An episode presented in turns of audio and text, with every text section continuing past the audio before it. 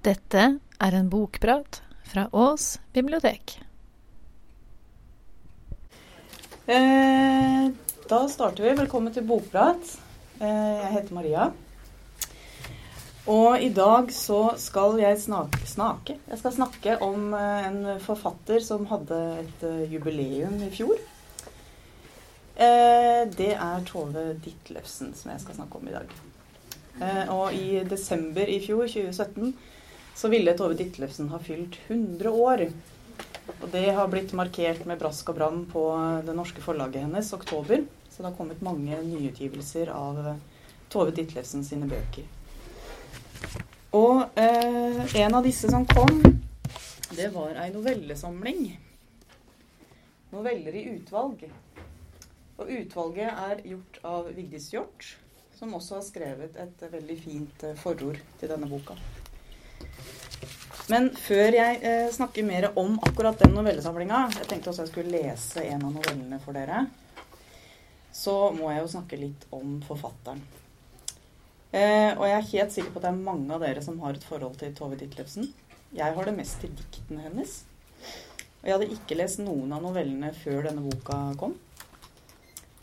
Og Tove Ditlevsen er jo, må vi kunne si, en av de mest anerkjente og kjente danske forfatterne gjennom tidene. Og hun skrev i alt 37 bøker. Romaner, noveller, diktsamlinger og erindringsbøker.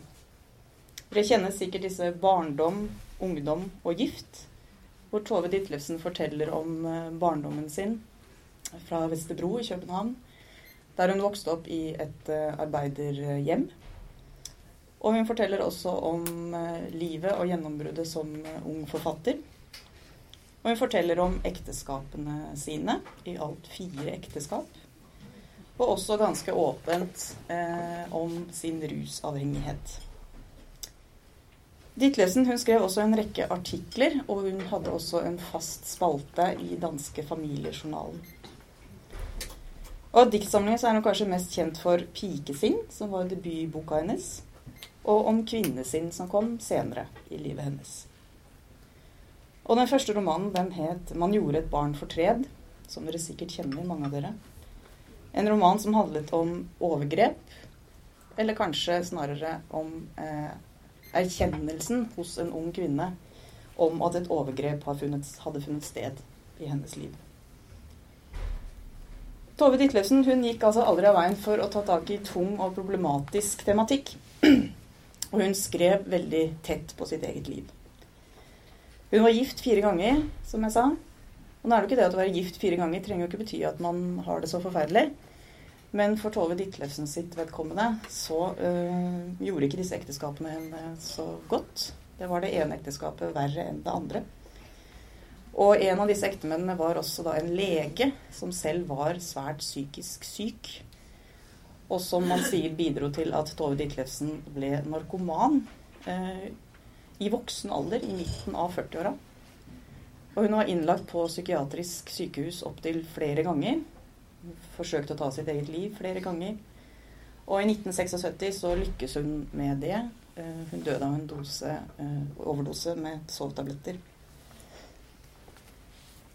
Eh, Ditlevsen var en veldig veldig populær forfatter i samtida.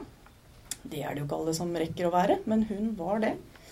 Og hun var liksom fra første utgivelse Hun ble fryktelig kjent. Hun fikk en sånn massiv berømmelse, nærmest. Hun var på TV, hun var på radio, hun var i ukeblader og aviser. Eh, og hun hadde jo også da denne spalten som hun skrev for Familiejournalen. Så hun ble veldig kjent gjennom den. En veldig sånn populær brevspalte hvor hun svarte på spørsmål. Og alt dette her gjorde vel kanskje også sitt til at hun ikke fikk en sånn kjempehøy stjerne blant sine medforfattere. Og blant kritikerkorpset innen litteraturen. For det var veldig mange som syntes at det ble litt vel mye sånn hjemme hos-reportasje. Eh, og det var også de som sa ganske tydelig fra at de syntes at hun skrev enkelt. Ikke simpelt, men enkelt. Og at hun ble også kritisert for å være for tradisjonell i stilen. Og for folkelig, da. Og så skrev hun diktene sine på rim. Og det ble heller ikke så godt mottatt, på, i hvert fall ikke på 60-tallet. Da var det mange som syntes at dette var eh, Dette var jo veldig bakstreversk og ikke spesielt moderne. Men seinere, da, man blir jo alltid klokere i ettertida, så har hun blitt kalt en postmodernist. Fordi at hun klarte å kombinere nettopp dette folkelige og det seriøse med sin helt egen stil. Og hun har også i ettertida blitt kalt en arbeiderforfatter. Fordi med sine bøker så beskrev hun arbeidernes vilkår på Vesterbro. Hun beskrev kvinnenes liv, barna, husholdning, omsorg, barnepass. Det var en stor del av hennes forfatterskap. Så det hun skriver, er jo ikke arbeiderlitteratur om mennene på fabrikken, men hun skriver om kvinnene i hjemmet. Eh, Olga Ravn, som er en dansk, ganske kjent forfatter, og også redaktør for nyutgivelse av Ditlevsen sine dikt. Hun eh, skrev i en artikkel i Klassekampen Når det blir kvinnens arbeid å føde barn og holde hus, og produsere nye arbeidere til staten, gi dem mat, holde dem rene og friske, så kan kvinnens forhold til sin egen kropp sammenlignes med arbeidernes forhold til fabrikken. Altså er kvinnens litteratur om egen kropp og husholdning arbeidsplasslitteratur. Tove Ditlevsen var arbeiderforfatter. Det syns jeg var fint sagt. Så var det disse novellene, da, som Vigdis Hjorth har eh, valgt ut. Eh, I forordet til denne boka her så skriver Vigdis Hjorth om novellene dette. Novellene er lettleste, tilsynelatende upretensiøse, mens pretensjonen nettopp er det krevende Å vise fram vanlige folks livsdilemmaer, gjenkjennelig for de fleste av oss, uten å bruke for mange store ord eller litterært fiksfakseri, uten å vise seg fram som stilist. Hun pynter seg ikke med dypsindigheter, kunstferdighet eller bastante konklusjoner. Hun legger det fram for oss, så vi ser det. Og eh, novellene i det utvalget her, de kan også deles inn tematisk i tre bolker. Jeg har jo egentlig allerede nevnt de. Det ene temaet er det her med småkårsfolkets eh, livssituasjon og forhold. Eh, og det andre temaet, som jeg syns mange av novellene kretser rundt, det er forholdet mellom mann og kvinne. Være seg fra det helt eh, første møtet mellom to unge mennesker til all slags problemer i ekteskapet. Det handler om utroskap, om uinnfridde forventninger, om maktkamp, om brudd og følelsesmessige og økonomiske konsekvenser av skilsmisse, blant annet. Men i de resterende novellene så er det barnet som står i sentrum for Ditlevsen. Og da gjerne det utsatte og sårbare barnet. Og hun skriver, eh, syns jeg, veldig veldig presist og fint om det komplekse forholdet mellom foreldre og barn. Og så tar hun alltid barnets parti. Men Ditlesen skal selv ha sagt at hun ikke var noe god mor eller foreldre for sine egne barn. Hun var ikke den trygge, stødige foreldreskikkelsen. Og kanskje var det hennes måte å kompensere litt på, å skrive om dette temaet om og om igjen, om dette hudløse barnet. Det kan jo tenkes. Et forsøk på å nærme seg barna sine. For hun hadde veldig mye av barnet i seg selv med seg hele tiden. Så at det skulle være så vanskelig for henne, det, det, var, sikkert, uh, altså det var sikkert vanskelig for henne å ikke å klare å nærme seg barna sine på den måten hun ønsket. Da. Det er jo alltid vanskelig for foreldre. Så da tenkte jeg skulle lese en av disse novellene som vel mest pensler inn på det siste temaet. Og novellen heter uh, 'Eggedosis'. Er det noen som kjenner den?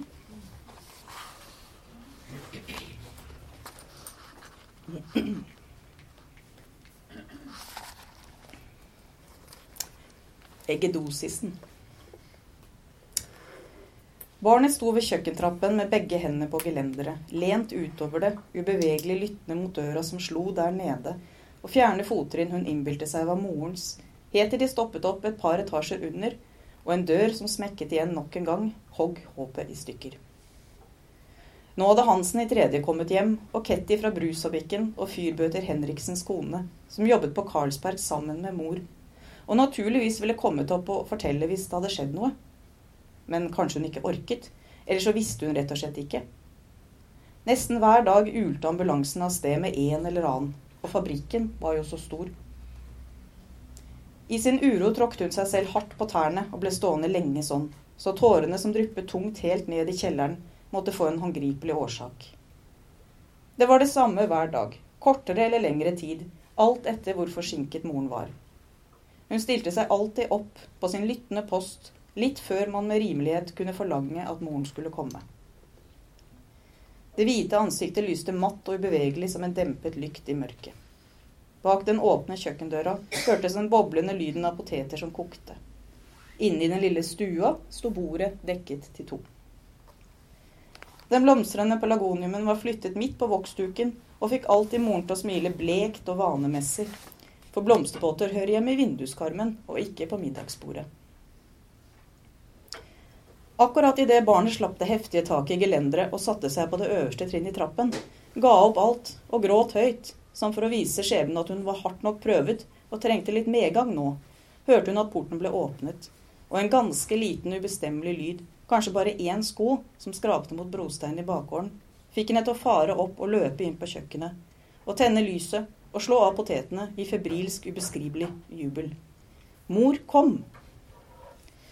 Nå satte hun sykkelen i skuret, nå løp hun opp trappene, nærmere og nærmere. Verden ble fylt av lys, hjertet av ro. Hun sto med ryggen til døra og håret som to svarte vinger nedover kinnene, i ferd med å helle de dampende potetene opp i en dyp tallerken, da moren kom inn og smekket døra igjen etter seg. Hø, så kaldt. Jeg har stekt kjøttkakene, mor, de må bare varmes. Stemmen var hes som hos en gutt tidlig i puberteten. Hun var ikke mye mindre enn moren, men mager som en syk hund av å sørge for seg selv dagen lang. Ansiktet var lite og uendelig bekymret, med spiss hake og grå, usunn hud. Bare øynene lyste, store og mørkeblå og alvorlige i det lille, stygge ansiktet. Moren svarte ikke på det med kjøttkakene, og de sa i det hele tatt ikke mer til hverandre før de satte seg ned ved bordet, og moren med et blekt, søtt smil i det sminkede ansiktet satte den altoverskyggende pelargonien tilbake i vinduskarmen. Da hun satte seg igjen, kom hun til å dulte borti den skjermløse lyspæren som svingte litt fram og tilbake og kastet skygger på det falmede tapetet. Hun spiste fort, med dype rynker mellom de smale, plukkede øyenbrynene. Det blekede håret hadde en mørk, ubestemmelig farge i bunnen, og var uten glans som trette, nærsynte øyne. Dagene hadde vært så like de siste ti årene at hun knapt hadde merket forandringen som hadde skjedd med ansiktet hennes.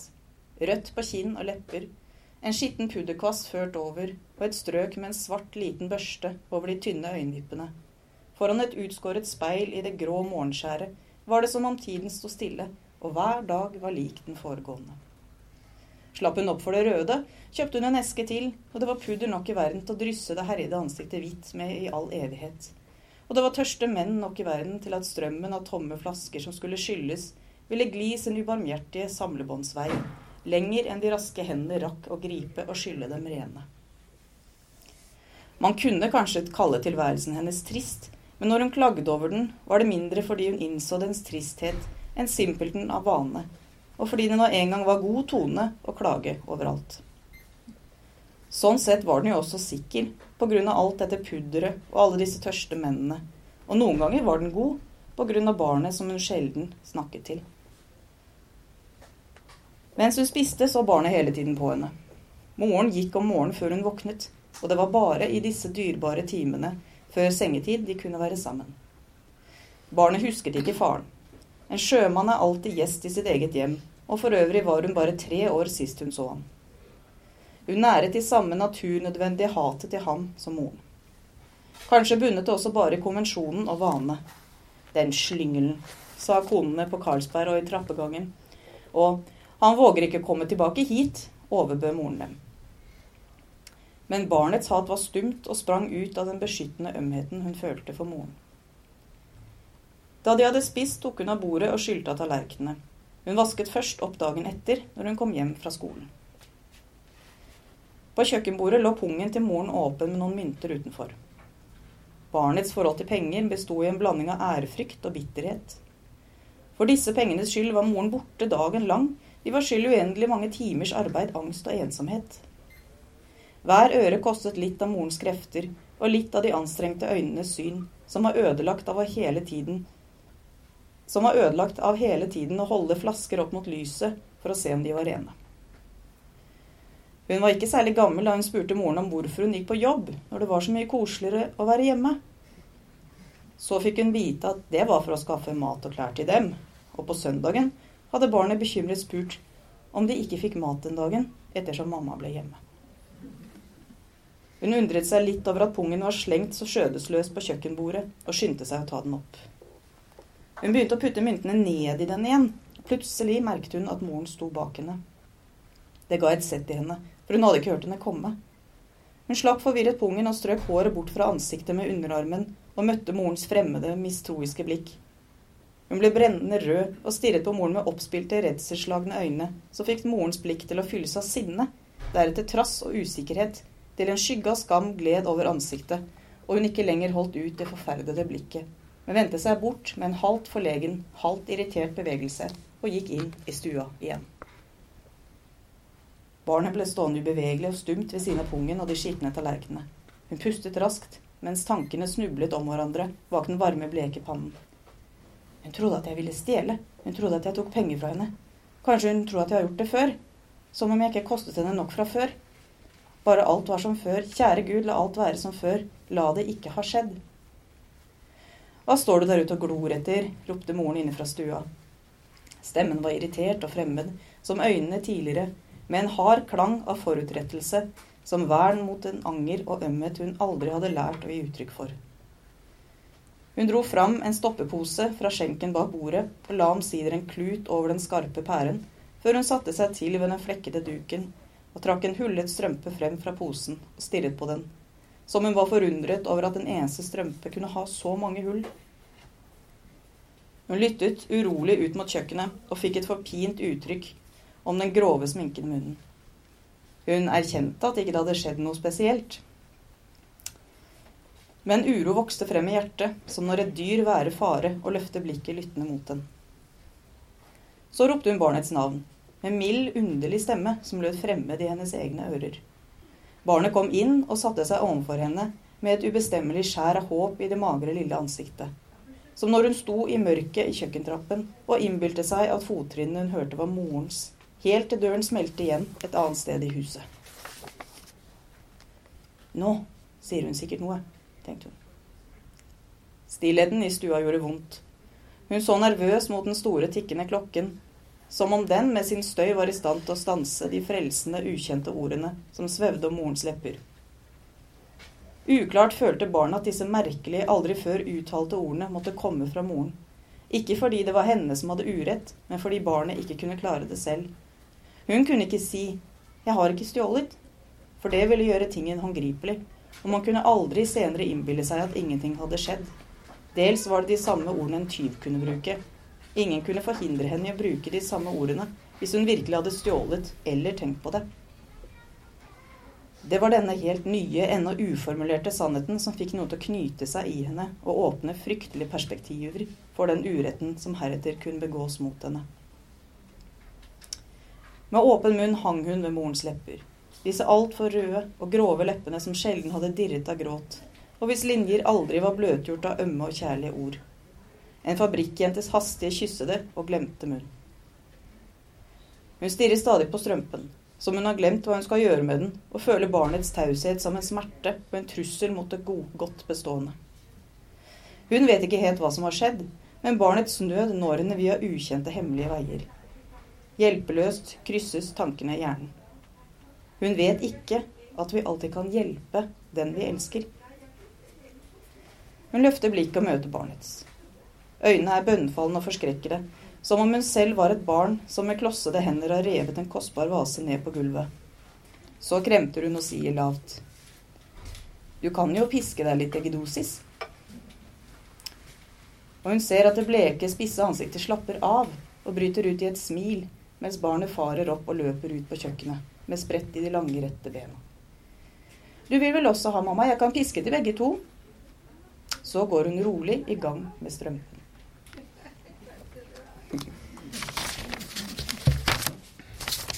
Det er en fin novelle, syns jeg.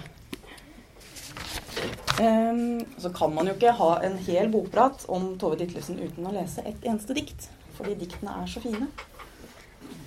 Så da tenkte jeg at jeg skulle lese et dikt helt til slutt.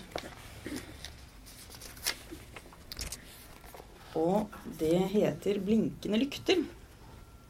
Og det står på dansk. Men jeg er ikke så veldig troverdig på dansk, så jeg tar det på norsk. Blinkende lykter. I barndommens lange og dunkle natt brenner små blinkende lykter. Som spor av erindringen etterlatt, mens hjertet fryser og flykter.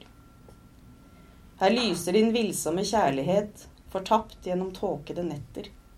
Og alt hva du siden elsket og led, har grenser som viljen setter. Den første sorg har et spinkelt skjær, som en tåre der skjelver i rommet. Kun den vil være ditt hjerte nær, når all annen sorg er forstummet.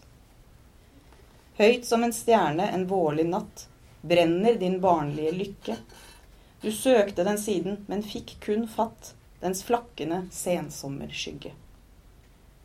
Din tro tok du med deg så langt av fled, for det var den første og siste. Nå står den og brenner i mørket et sted, og er der ikke mer at miste. Og en eller annen kommer deg nær, men kan aldri helt forstå deg. For ditt liv har du lagt under lyktenes skjær, og ingen skal siden nå deg. Takk for meg.